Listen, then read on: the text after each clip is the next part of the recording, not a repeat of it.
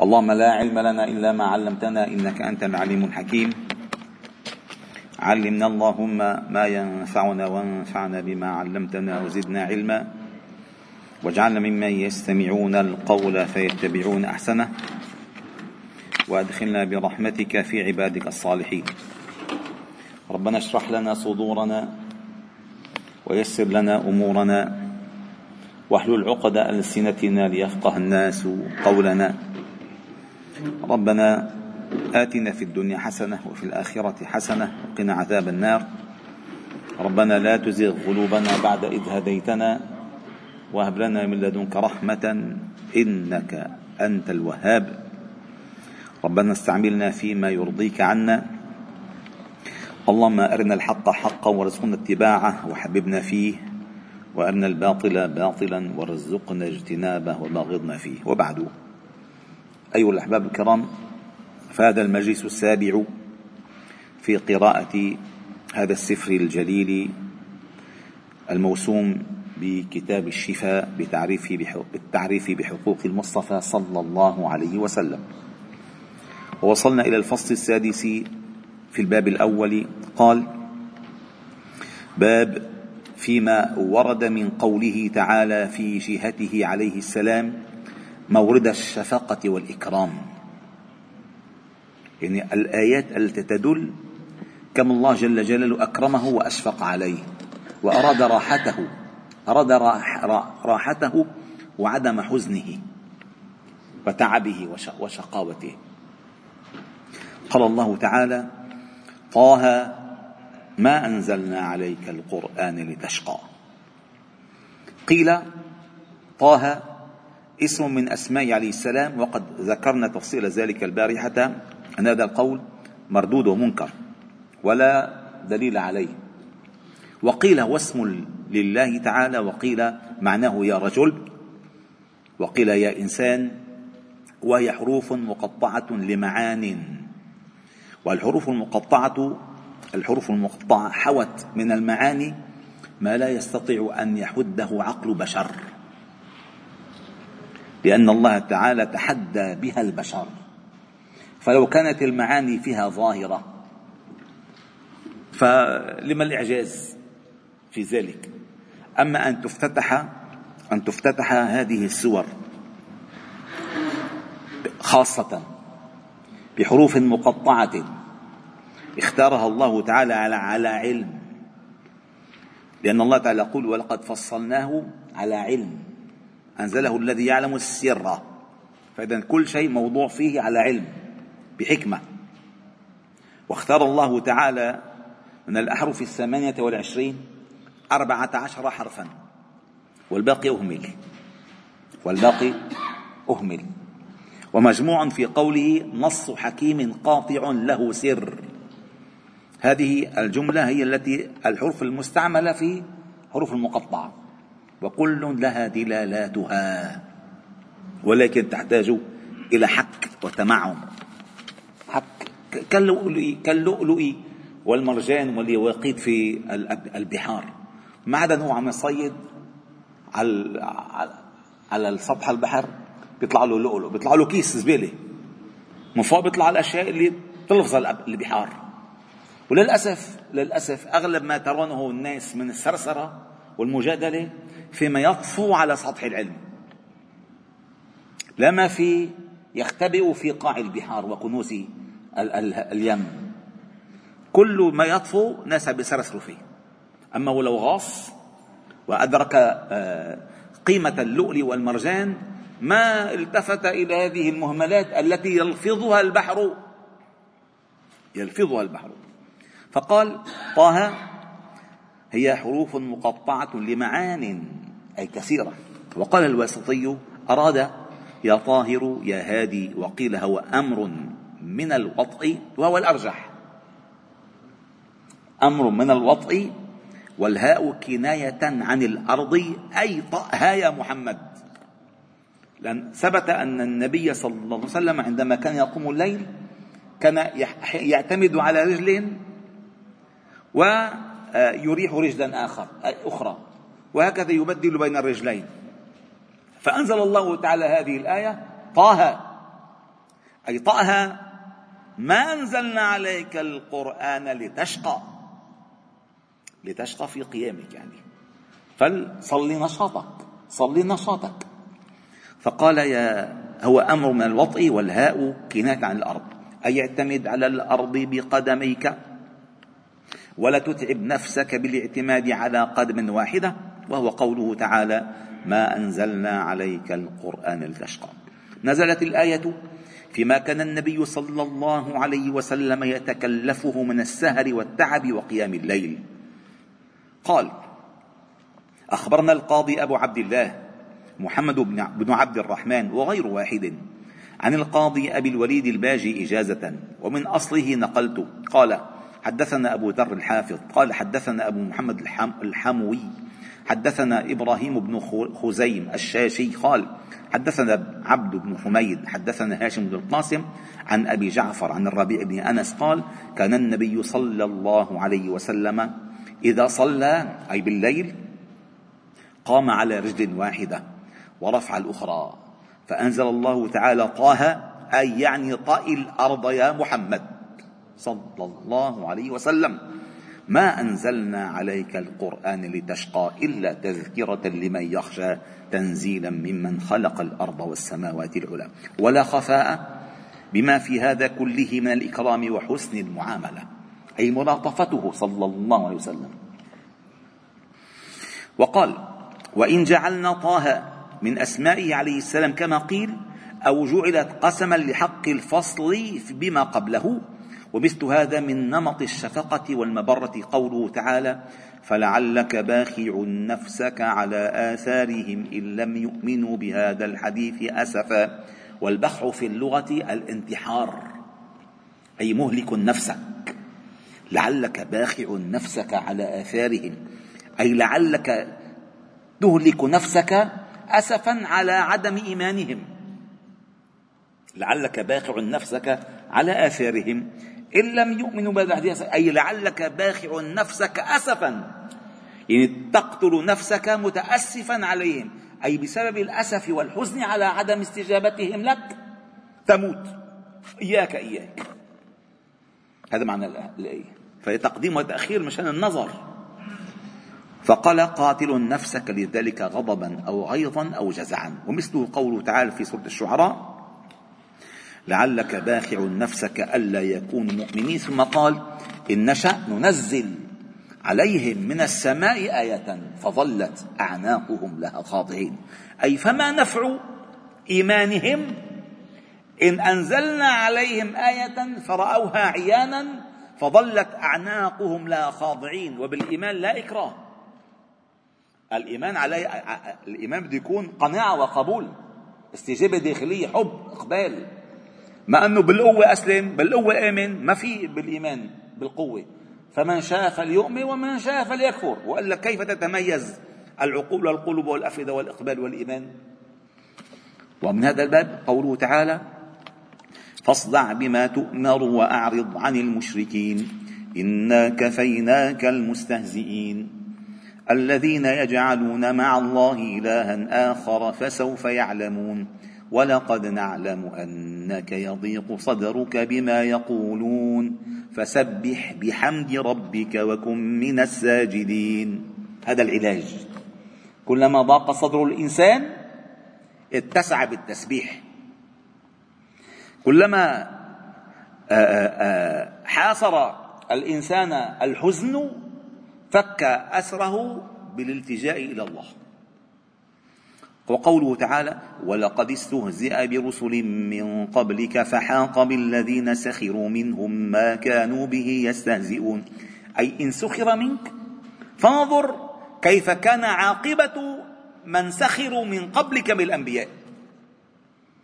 قال مكي سلاه الله تعالى بما ذكر وهون عليه ما يلقى من المشركين وأعلمه أن من تمادى على ذلك يحل به ما حل بمن قبله. سبحان الله شوفوا هذا الكتاب من من جماله وروعته. فيه تفسير فيه سنة فيه لغة وفيه إشارات فقهية وعقدية. لذلك هذا كتاب جامع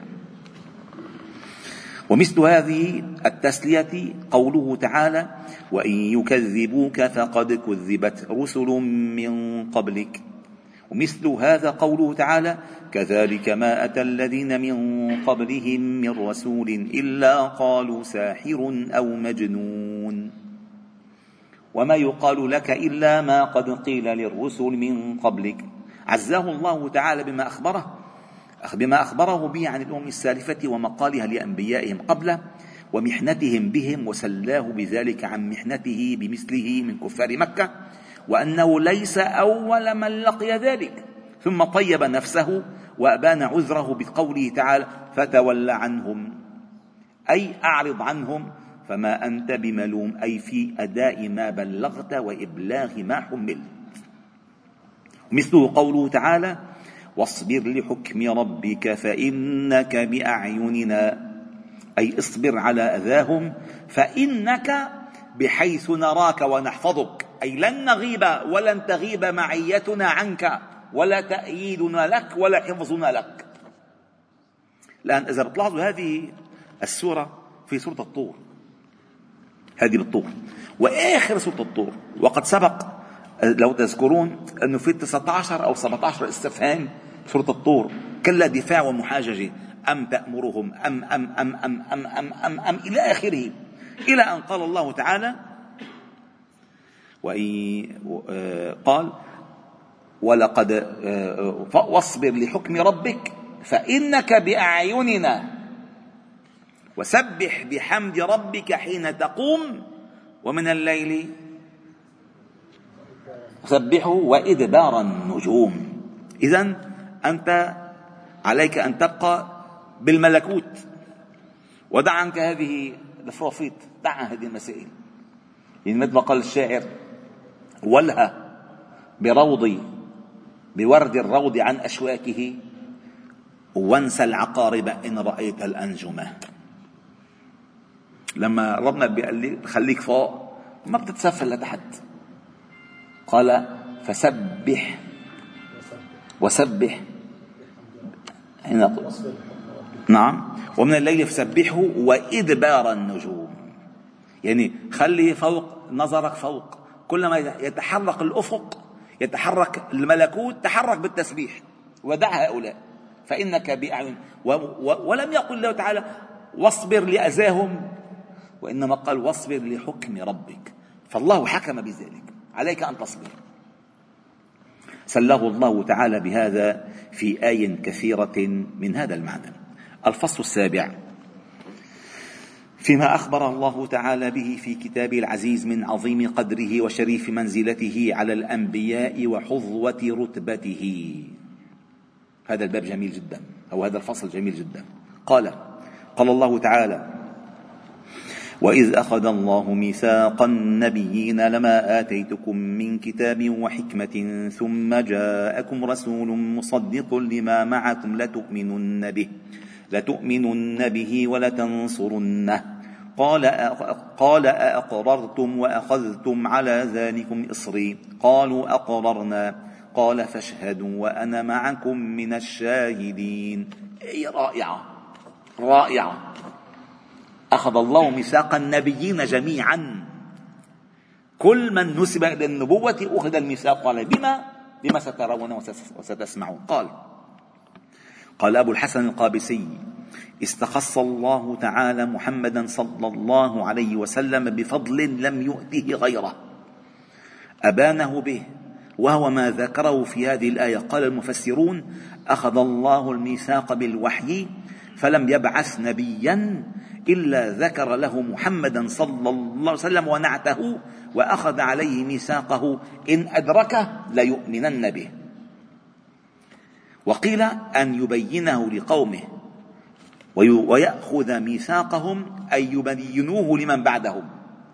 وقوله تعالى ثم جاءكم الخطاب لأهل الكتاب المعاصر صلى الله عليه وسلم قال عن أبي طالب مرضى عنه لم يبعث الله نبيا من آدم فمن بعده إلا أخذ عليه العهد في محمد صلى الله عليه وسلم.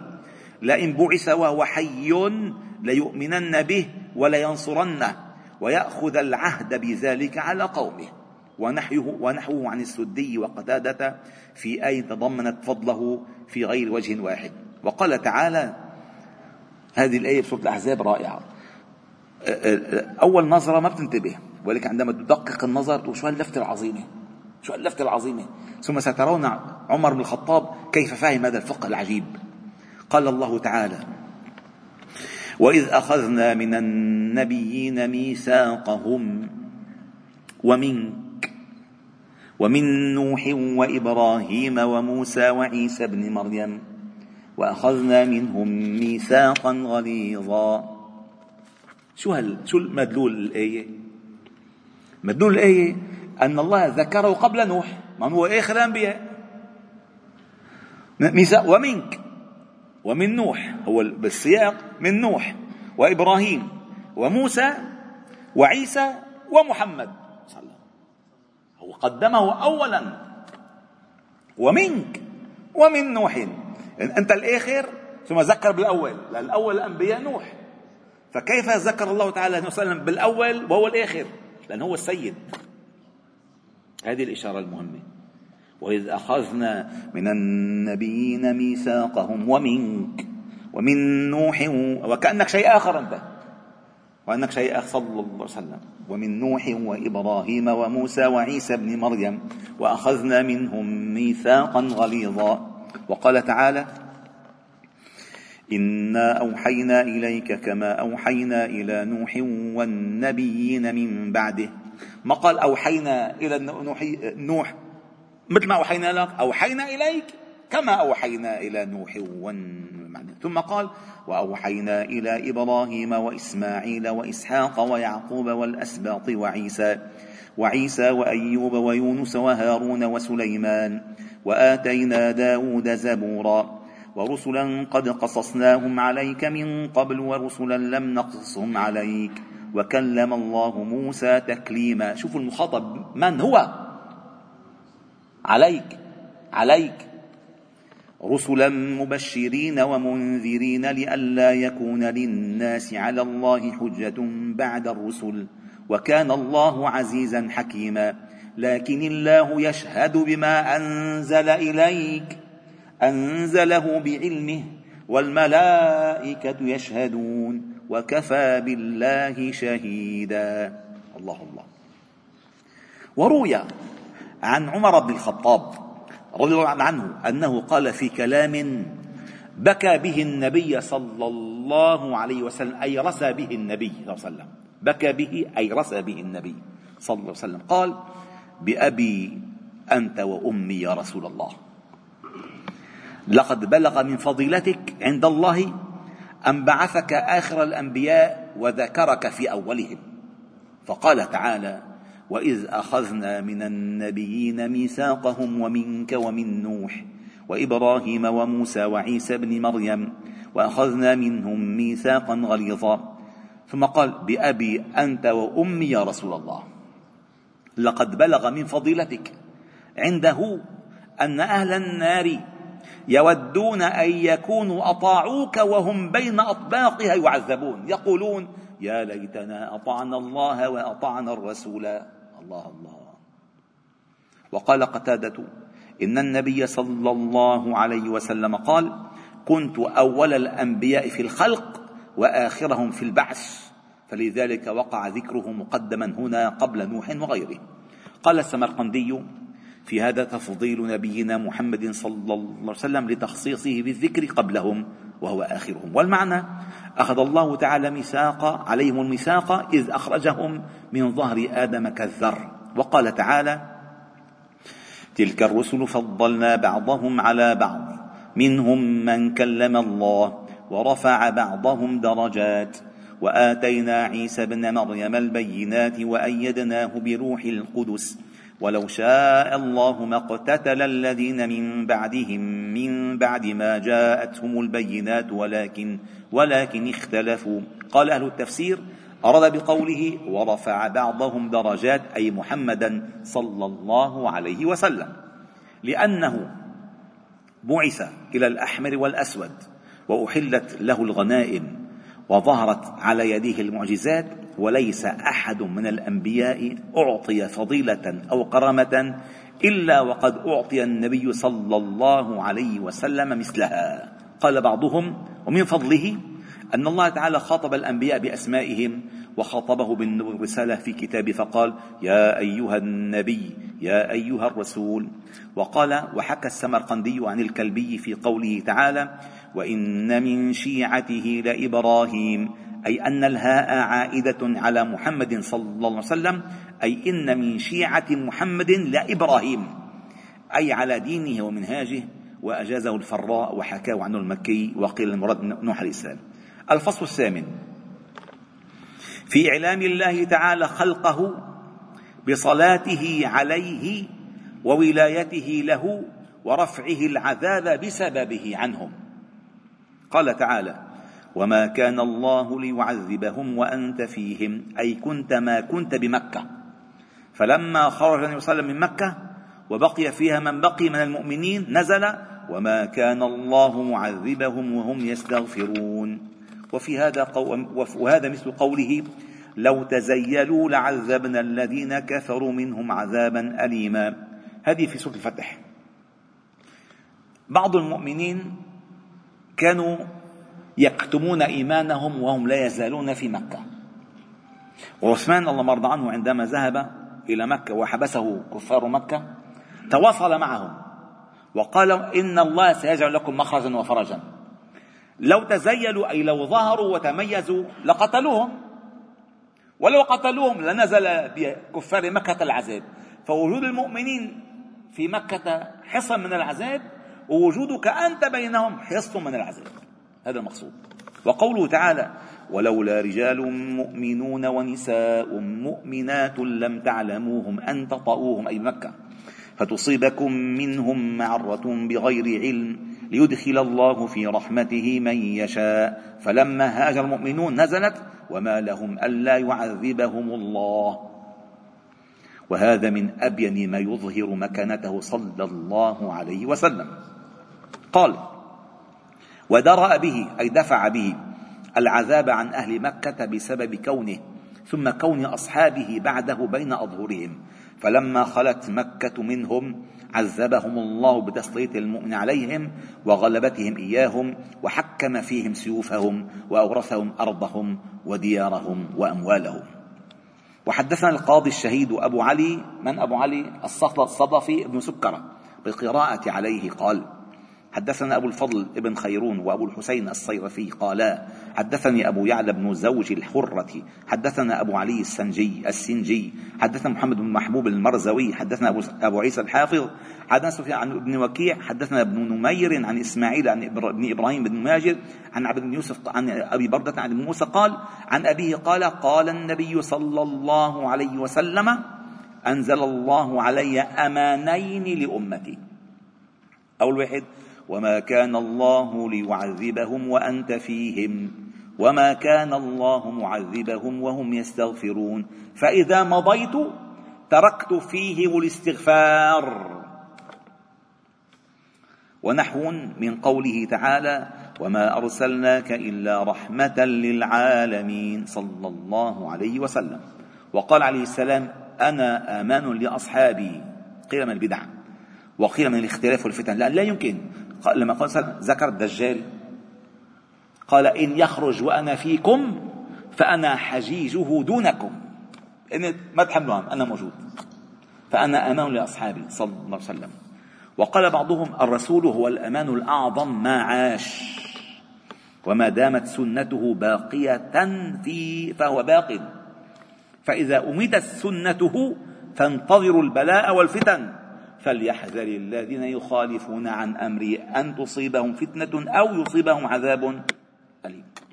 صلى الله عليه وسلم. وقال الله تعالى إن الله وملائكته يصلون على النبي. الحمد لله. يا أيها الذين آمنوا صلوا عليه وسلموا تسليما. اللهم صل وسلم على محمد. أبان الله تعالى فضل نبيه صلى الله عليه وسلم بصلاه عليه.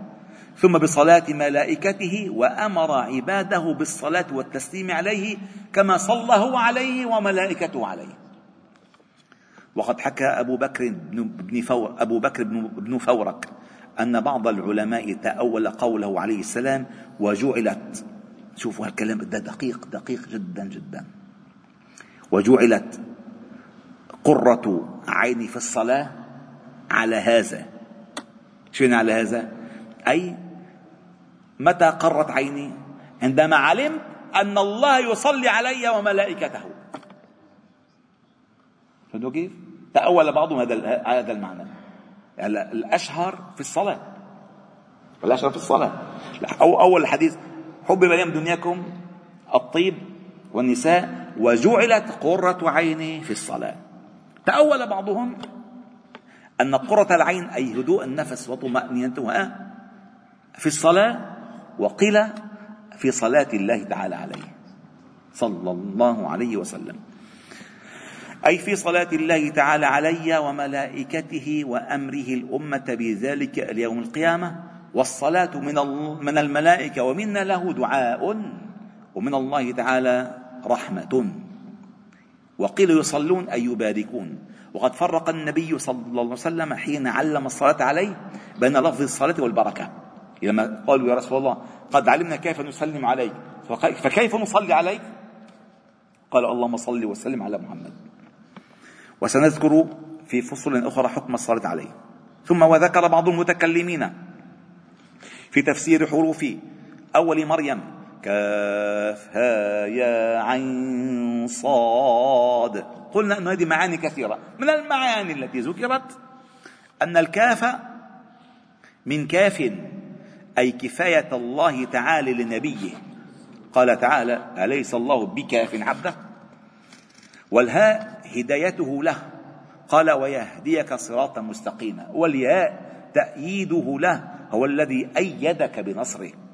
والعين عصمته له. قال تعالى والله يعصمكم من الناس. والصاد صلاته عليه إن الله وملائكته يصلون على النبي صلى الله عليه وسلم. قال الله تعالى وإن تظاهر عليه فإن الله هو مولاه وجبريل وصالح المؤمنين والملائكة بعد ذلك ظهير. مولاه أي, أي وليه. وصالح المؤمنين أي الأنبياء وقيل الملائكة وقيل أبو بكر وعمر وقيل علي وقيل كل المؤمنين. اللهم صل وسلم وبارك عليه. الفصل التاسع فيما تضمنته سورة الفتح من كراماته.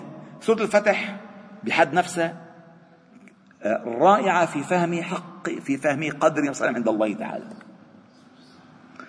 اسمعوا قال الله تعالى بسم الله الرحمن الرحيم. إنا فتحنا لك فتحا مبينا. أجر القارئ أجر السمع كالقارئ. يعني أنت سمعت القرآن حرف عشرة؟ فاستمعوا له وأنصتوا. فاستمعوا له وأنصتوا.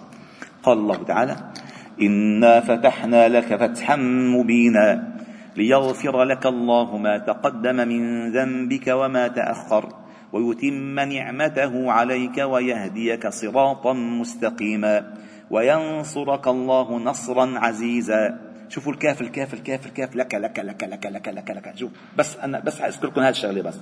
اسمعوا. انا فتحنا لك يغفر لك ذنبك عليك يهديك ينصرك كا كا كا الخطاب له كله له. قال ويهديك صراطا مستقيما وينصرك الله نصرا عزيزا. هو الذي أنزل السكينة في قلوب المؤمنين ليزدادوا إيمانا مع إيمانهم. ولله جنود السماوات والأرض وكان الله عليما حكيما. ليدخل المؤمنين والمؤمنات جنات جنات تجري من تحتها الأنهار خالدين فيها ويكفر عنهم سيئاتهم وكان ذلك عند الله فوزا عظيما.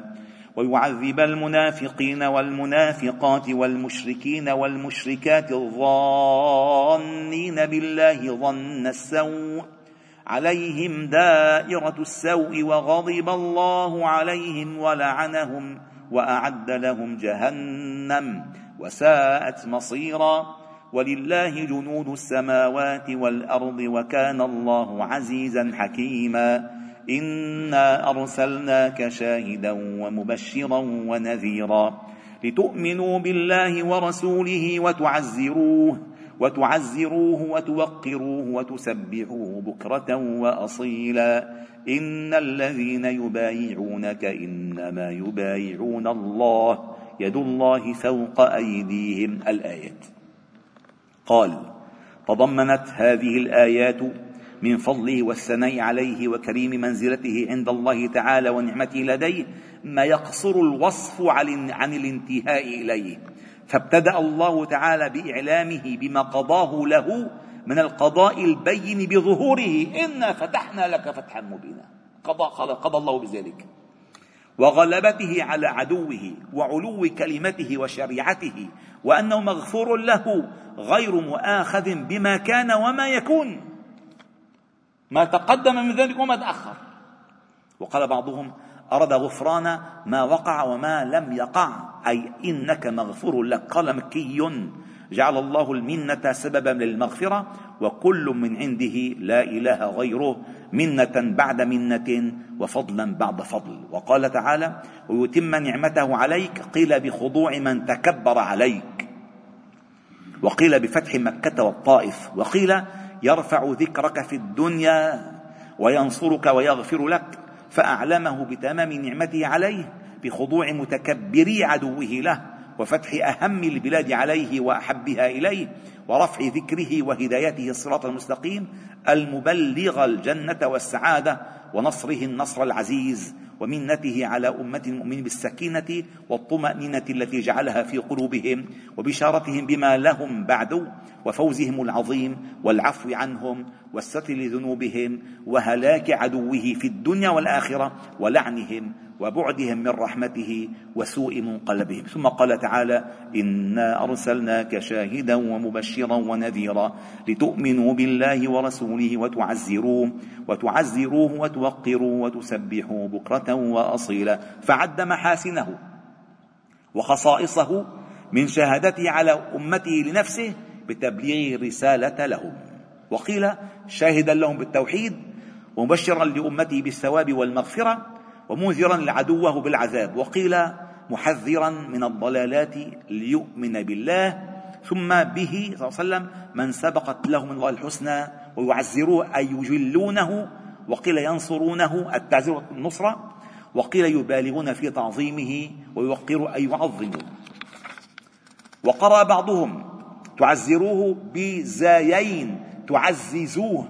بدليل قوله تعالى في سورة ياسين قال واضرب لهم مثلا أصحاب القرية إذ جاءها المرسلون إذ أرسلنا إليهم اثنين فكذبوهما فعززنا بثالث.